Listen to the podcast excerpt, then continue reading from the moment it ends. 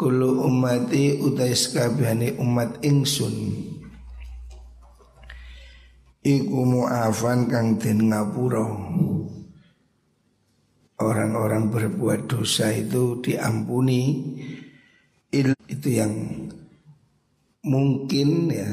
Tetapi itu tergantung keadilan Gusti Allah. Orang yang berbuat jahat terang-terangan bangga Itu sulit diampuni tapi kalau orang itu masih malu, masih menutup, masih tidak menentang, maka dia mungkin diampuni oleh Gusti Allah. Wa inna minal mijana lan setuhune iku saking ngedengi maksiat. Maksudnya termasuk maksiat yang terang-terangan. Ayak malah yang dong lakoni sopo arrojulu wong lanang. Bilaili dalam bengi amalan ing penggawean.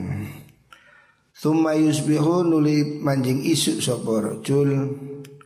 Waqad satara lan temen nutupi ing rojul sinten Allah Gusti Allah Tabine fayaqulu ngucap sopo rojul ya fulan.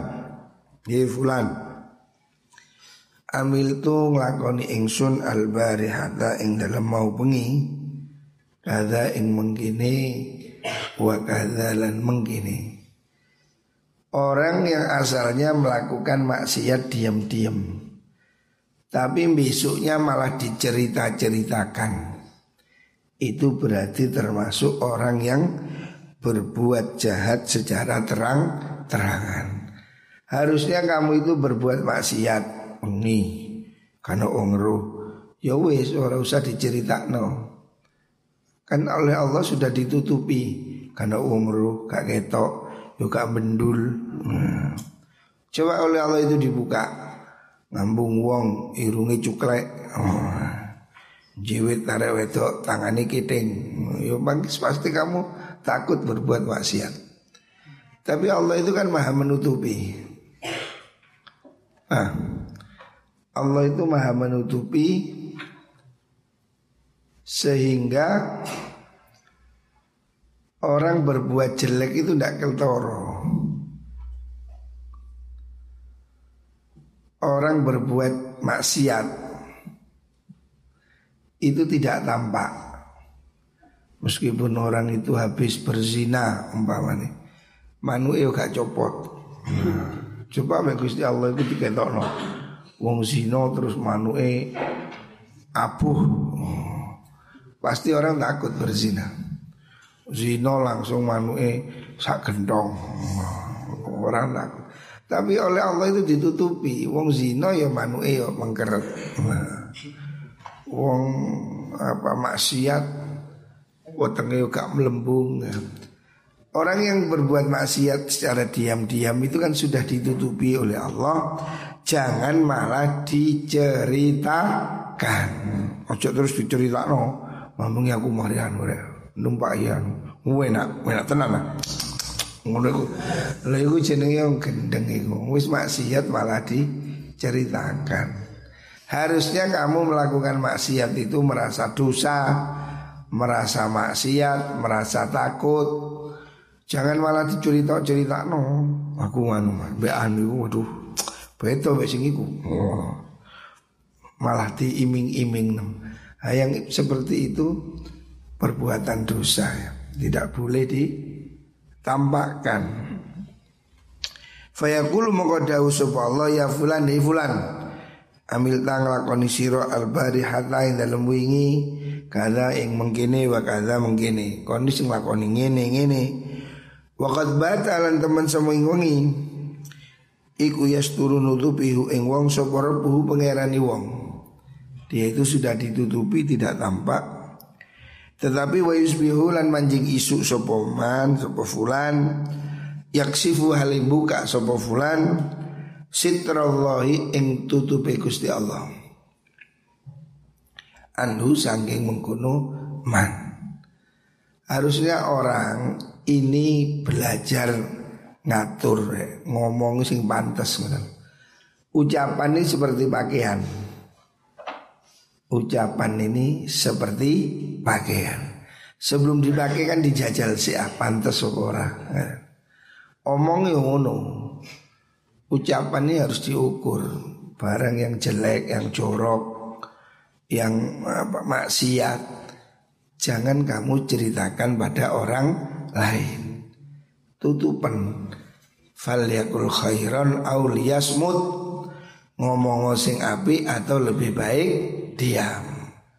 Jadi jangan kamu menceritakan maksiat Perbuatan-perbuatan jelek ya. Jangan kamu bangga dengan perbuatan yang jelek itu Makanya jangan diceritakan ya.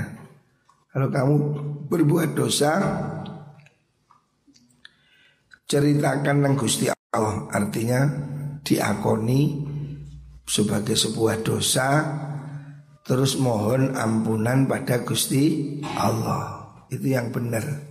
Jangan malah di pamer-pamer ke Ini hadis sahih riwayat Rawahul Bukhari wa Muslim Selanjutnya Nabi bersabda Kulu jami'an Wala tafarroku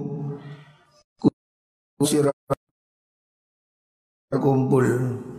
Mangan bareng nih loh tradisi mangan apa makan bersama. Gembulan. Wala tafarrokulan ojo pisah-pisahan sira Fa innal barokata sudene barokah iku ma'al jamaati sertane kumpulan. Kita kan sebelum Covid itu makan bareng. Sekarang sejak Covid ini ya mungkin sementara makan dewi-dewi pakai piring. Karena apa? Takutnya menularkan penyakit itu langsung pilek, flu, mangan watuk curut, oh, sedep mana konjone. Ya. Makanya sementara ini musim pandemi makannya pakai piring. Kan kemarin sudah disiapin piring masih ada. Piring anyaman nih loh. Siono. Hah? Jadi makan pakai piring. Citra ukur. Kadang ngarek pun cukup sego mbak eblek, mari ngono gantek dibuat. Dosa. Kamu tidak boleh buang-buang nasi ya. Dosa. Mubazir. Usahakan makan yang sak cukupi. Jangan kemudian wow wow apa rakus. Ambil nasi jatai wong telu. Marono gak dipangan. Itu dosa. Tidak boleh buang nasi Nasi itu mahal. Nasi itu nikmat ya. Jangan sampai buang-buang nasi Saya mesti ngecek dapur Anak-anak. Buang nasi itu saya marah. Jangan kamu buang-buang makanan. Itu nikmat Tuhan. Jangan kamu buang. Makanya kalau ngambil nasi diukur. Dikira-kira. Jangan berlebihan. Saya tidak suka kalau kamu buang-buang nasi. Itu ajaran ibu saya. Mulai saya kecil, lalu makan gantek tukani. Oh ya, tidak boleh buang nasi, tidak boleh. Nggak ada ikan iso suki, kata ibu saya dulu. Kok buang-buang sego, tidak boleh. Ibu saya ini dulu kalau setiap malam itu nasi masih ada di dia apa jenenge didang terus dideplok tiga kerupuk namanya kerupuk apa kerupuk puli ya jadi ibu saya itu tidak pernah buang nasi. Jangan ya jangan wingi. Saya kisi ono campur kalau saya tanya ini jangan apa bu? Jangan podomoro jangan wingi jangan saiki. Nggak boleh dibuang. Jadi tradisi itu harus dijaga. Jangan membuang-buang harta. Nasi, makanan ya. Jangan kamu buang-buang. Itu kebiasaan jelek ya. Kebiasaan buruk. Kadang hari gak, gak sadar. Jangan dibuat nasi dibuat dosa itu. Harusnya kamu selamatkan. Gimana? Kalau terpaksa dikekarak, dijemur, pakai OPT, Pokoknya jangan sampai dibuang ya. Jangan membuang makanan itu sesuatu yang berharga ya. Biasakan tertib makan secukupnya kata. Rawahu Ibnu Majah. Selanjutnya Nabi bersabda kullun muyassarun lima khuliqala. Kullun tais kabehane wong, kabehane wong, semua orang iku muyassarun den gampangaken. Lima maring perkara khuliqa kang den dadekaken sapa kullun lahu maring ma. Semua orang ini ada takdirnya. Semua orang ada takdirnya dan dimudahkan Allah ke situ. Kalau memang kamu itu ditakdirkan jadi orang baik, yo kerasan ke pondok, sergap ngaji. Oleh Allah dibukakan jalan menjadi baik.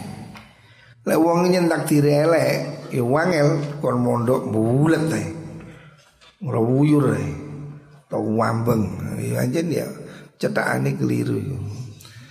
Tua bapak enggak ini gak mau coba bismillah Mana itu tampeng kaya entut Ono hari jenis surat angel Memang semua itu dimudahkan oleh Allah ya Dan diberi pertolongan ya. Kalau memang ditakdirkan Allah jadi orang yang baik Dibukakan hatinya Mudah ngafalkan Quran Senang ngaji ya Orang hafalan Quran itu dimudahkan oleh Allah. Prakteknya nyatanya orang-orang hafal. Jadi kalau kamu mau ikut program tahfidz jangan takut. Wah, hafalnya susah tidak. Buktinya yang lain juga hafal. Ini di Pondok Putri ada dalam satu minggu ini ada dua anak atau tiga anak hafal 30 juz. Lari wedok iso lanang iso toh. Wong mangan sego. Mestinya lanang luwe iso. Jangan takut, Allah memudahkan. Kulun muyasarun lima khuliqal. Semua orang itu dimudahkan untuk apa yang dia diciptakan untuknya itu. Allah sendiri menjamin dalam Al-Quran Walakad yassarnal qur'ana lidzikri fahal mimuddakir Allah memudahkan. Jadi dijamin oleh Allah. Maka kamu jangan takut mengatahfid program tahfid ini. Kemarin saya ketemu Bu Gubernur Jawa Timur akan memberi beasiswa untuk anak yang hafal Quran. Itu kuliah di sekolah-sekolah yang favorit seperti UNER, Brawijaya itu ada beasiswa minimal hafal 10 juz. Makanya anak-anak ini saya dorong ikut tahfid ya kamu beruntung hafal Quran, bisa kuliah ya. Ini harus dimanfaatkan. Jangan takut semuanya dimudahkan oleh Gusti Allah. Rawal Bukhari wa Muslim. Selanjutnya kullu dzunub utais kabehane dosa. Iku yu akhiru ngakhiraken Hu ing dzunub ya, semua dosa ini ditunda. Maksudnya hukumannya. Hukumannya ini bisa ditunda oleh Gusti Allah diakhirkan ma ing dalam waktu seakan kerso sapa Allah minha saking mengkono dzunub ila yaumil kiamati tumeka maring dina kiamat. Ada dosa itu yang tidak langsung dihukum diberi tempo, diberi apa? tenggang waktu oleh Gusti Allah. Illa uku kol waliden kecuali durhaka pada orang tua. Durhaka pada orang tua ini berat. Orang durhaka pada orang tua itu siksanya tidak nunggu hari kiamat. Di dunia sudah ditampakkan oleh Allah. Fa inna Allah sedani Allah iku yu'ajjilu. Gigi Mempercepat. Sinten Allah. Isuhibi maring wong kang duweni ukukul waliden Fil hayati ing dalam tingkah urip Oblal mamati sak durungi mati Jadi orang yang durhaka pada orang tua itu oleh Allah hukumannya dipercepat. Nah, di dunia pun dia pasti sudah dapat hukuman. Orang durhaka pada orang tua hidupnya susah, hidupnya ruwet, problem, masalah. Nah, durhaka pada orang tua itu balasannya tidak menunggu di akhirat.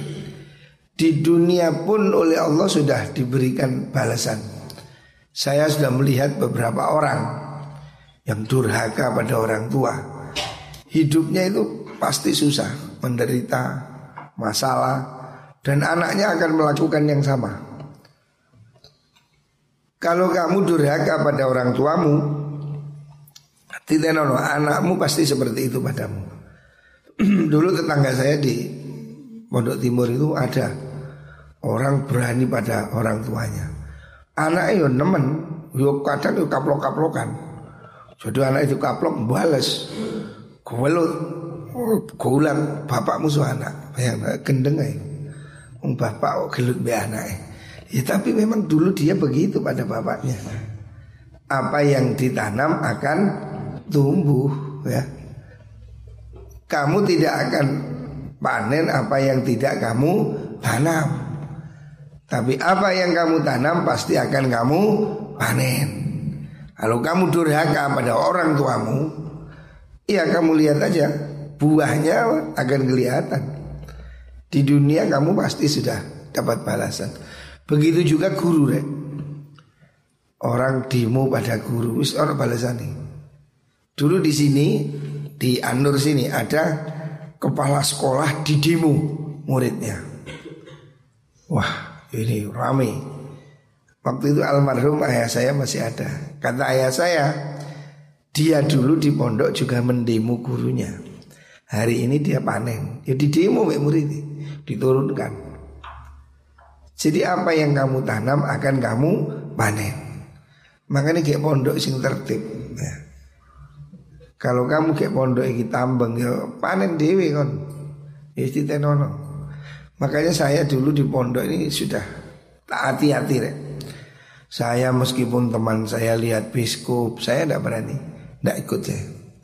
Teman saya lihat orkes, teman saya lihat dangdut, saya tidak ikut. Saya absen.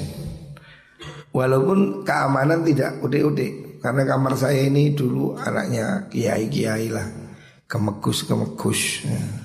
Tapi saya tidak ikut. Karena saya merasa takut belair. Wedi kena belair ini pondok. Ibu saya itu ngajari saya begitu. Wedi kualat. Wedi kualat. Kualat itu kan barang nggak ketok. Bukan takut keamanan nggak. Wong kamar saya ini tidak pernah ada. Anak kamar saya dihukum tidak ada. Orang kamar saya ini anak buahnya Gus Maksum. waktu itu kan almarhum Gus Maksum ini pendekar. Anak kamar saya itu rata-rata anak buahnya Gus Maksum. Tapi saya tidak mau manfaatkan. Teman saya pergi lihat biskup, lihat dangdut, saya tidak mau, tidak ikut saya. Bahkan dulu zaman saya itu belum ada HP, adanya radio. Di pondok dilarang bawa radio, belum ada HP tahun 90-an, 80 sekian. Tidak ada HP tapi radio. Di kamar saya ini ada radionya. Lah dulu radio ini barang mewah rek ya saiki. Jangan biyen radio ini sesuatu yang oh, top. Kok cara iki HP. Di kamar saya ini ada radionya. Lah radio ini kalau jam satu siang di setel sandiwara radio Brahma Kumbara. Masih ingat saya Brahma Kumbara. Kalau jam satu kamar saya ini penuh. Anak kamar sebelah datang mendengarkan. Kayak guru ono ngaji meneng kafe guru ono drama zaman itu hiburan top ya. Guru ono drama radio apa jenis sahur sepuh saya luru lek sore apa ngono? Hantu-hantu yo. Salihun apa ngono? Drama tapi radio jadi kamar saya ini menjadi tempat penyetelan radio jam satu sama sore gitu. Saya satu kali pun tidak pernah ikut. Jadi kalau radio di setel, saya turun, tidak ikut saya. Karena apa? Saya takut kualat, iki melanggar pondok. Saya tidak berani. Walaupun ada di kamar saya, saya nggak ikut. Jadi kalau radio di setel, saya pergi. Saya nggak mau ikut dengerin. Karena apa? Bukan takut keamanan, tidak pernah diambil sama keamanan kamar saya ini. Kamar warok-warok, ngari tambeng-tambeng. Tapi saya tidak ikut. Karena apa? Saya takut kualat. Jadi ibu saya itu ngajari gitu, wedi belai, ojo melanggar ke pondok wedi lek belai. Takut kena apa? Kualat itu bahasa Jawa nih, bahasa Indonesia ya apa kualat nih? Ya wedi kualat. Jadi saya tidak pernah ikut. Anak-anak nyetel radio saya keluar. Pokoknya kalau waktu radio disetel, tetangga kamar datang geruduk-geruduk saya keluar. Tidak pernah saya ikut. Dengerin aja saya nggak mau. Karena saya takut. Wedi. Yang saya takut apa? Takut ini menjadi sebab ilmu tidak manfaat. Itu aja yang saya takut. Jadi saya nggak berani dengerin radio, saya nggak ikut nonton biskup, saya nggak ikut. Karena ibu saya ngajari begitu, sing hati-hati kayak pondok, sing hati-hati. Jadi saya nggak ikut. Kamar saya ini ya semacam-macam. Saya dulu tidurnya di masjid. Karena kalau tidur di kamar kalau sing wani gugah, mungkin kamar arek jagoan-jagoan nih. Jadi tidurnya saya di masjid, di bawahnya cidor. Di masjid Lirboyo ada cidor, tahu cidor? Beduk. Tabu kayu sami. Itu tak ke bantal. Tak cukup tak ke bantal.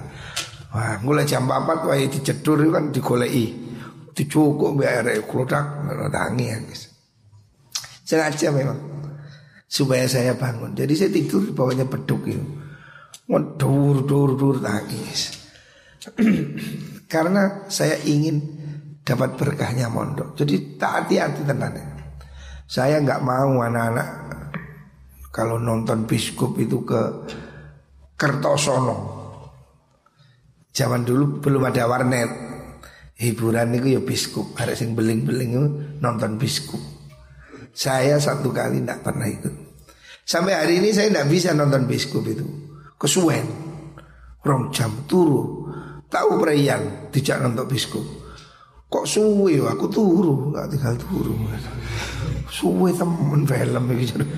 Gak betah aku ndelok film jam. Turu aku tinggal turu, gak, gak betah.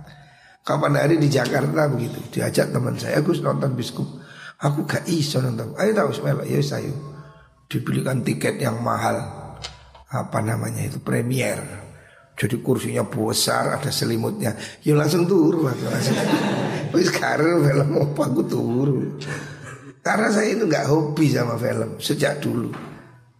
Ya karena sejak di pondok saya itu nggak mau dia. Ya pernah liburan diajak nonton melo aku. Kayak jero gedung turu aku gak iso. Kesuwen. Oh boy kesuwen aku turu tuku kayak kok turu. Oh boy suwen aku turu. Tapi memang alhamdulillah saya merasa berkah ya. Berkahnya di pondok itu ya karena itu. Karena manut guru, manut orang tua ya. Dan ini juga dikatakan oleh Rasulullah SAW Orang durhaka pada orang tua Itu tidak sampai mati deh. Si urip sudah susah ya oleh Allah dipercepat siksanya di dunia belum nanti mati si ono bonus di dunia ini kan cuma persekotnya ya jadi ada hukuman itu yang double double di dunia dihukum di akhirat dihukum. Dan lebih berat ya. Qoblal mamat. Sebelum mati. Orang durhaka pada orang tua sebelum mati dia akan dapat balasannya. Apa hidupnya yang susah, ekonominya sulit, problemnya yang berat, macam-macam ya. Sekali-kali saya mau jangan ada ya.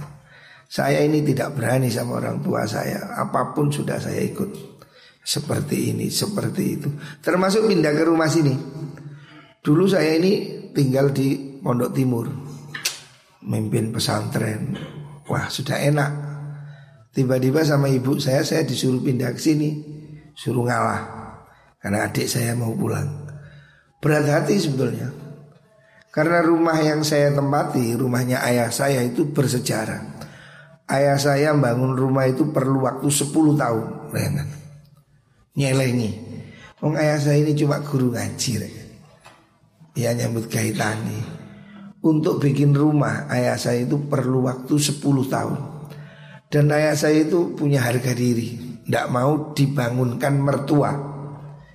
Jadi ayah saya itu mulai nyelengi beli tanah, sampai bangun itu progresnya 10 tahun. Kata ayah saya, dia di ini sama gurunya, anaknya kiainya, namanya Kiai Mustain itu.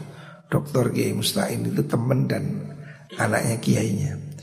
Kata Kiai Mustain bilang ke ayah saya, Han, koncok sampai tiga nomah mertua. Jangan kamu mau dibikinkan rumah mertua. Lek gak iso gawe tak gawe no. Sehingga ayah saya itu nggak mau.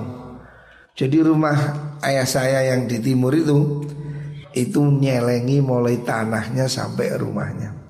Sehingga saya merasa itu rumah anugerah. Saya kepingin tinggal di situ. Dan saya senang.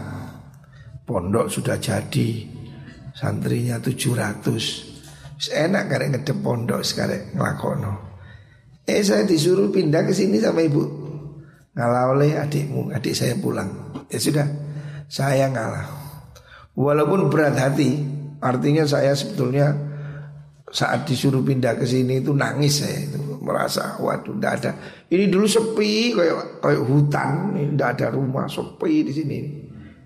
Tidak ada rumah itu, tidak ada waterboom itu masih hutan. Sendiri saya di sini. Tapi saya meyakini kalau saya berbakti, kalau saya manut sama ibu saya, pasti hidup saya bahagia. Ya sudah, bismillah. Pindah ke sini semua pirek urip nang alas. Biasa santri rame, biasa ya ke wali murid teko kayak gini plus langsung sepi kan wong ru. Oh, singitan nang alas. Apalagi kalau malam hari itu ya ada godaan kan dulu ini daerah yang tidak kondusif. Jadi kalau malam hari itu ada jendela di kayak jendela dicukit, kayak lawang disurung gitu. Saya tidak takut sendiri, tidak ada santrinya di sini. Belum ada musola, belum ada apa-apa, saya cuma punya rumah aja. Belum ada pagar. Jadi saya hidup sendiri di sini. Sepi.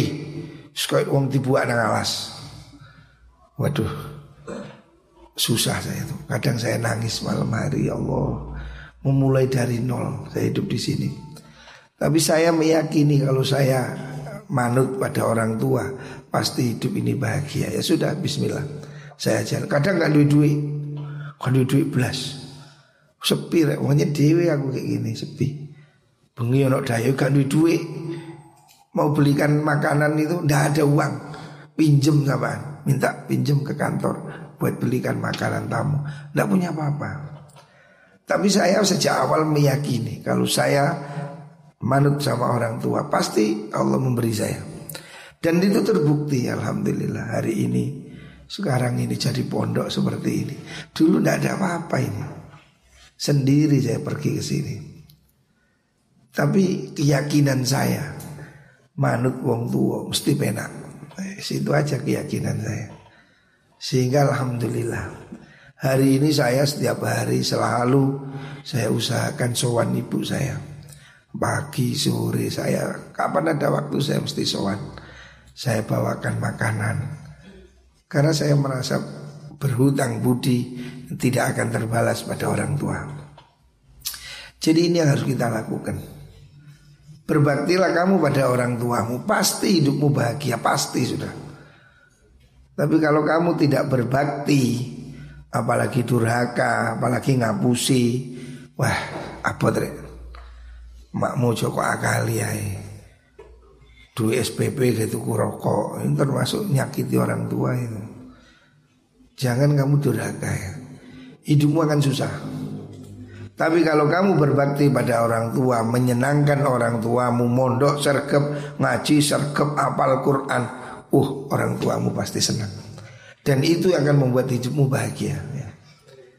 Makanya jangan sekali-kali durhaka pada orang tua dan pada guru juga pada guru.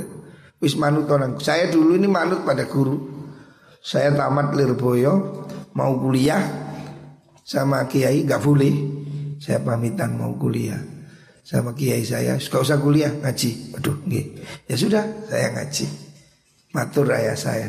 Buya Buatan bareng kuliah Manut toh ya Sudah manut saya Tidak kuliah Tapi kemudian saya kuliah sampai S3 Sampai saya pernah ikut Pendidikan di luar negeri Di Amerika, di Inggris Sudah pergi ke mana-mana Alhamdulillah Berkahnya guru ya. Maka itu hal yang saya yakini Barokai guru, barokai wong tua Ini yang harus dijaga. Muka-muka diparingi ilmu yang manfaat. Ini yang penting, ilmu itu yang penting manfaat, berkah. Nah itu akan terjadi kalau kita taat pada guru, taat pada orang tua.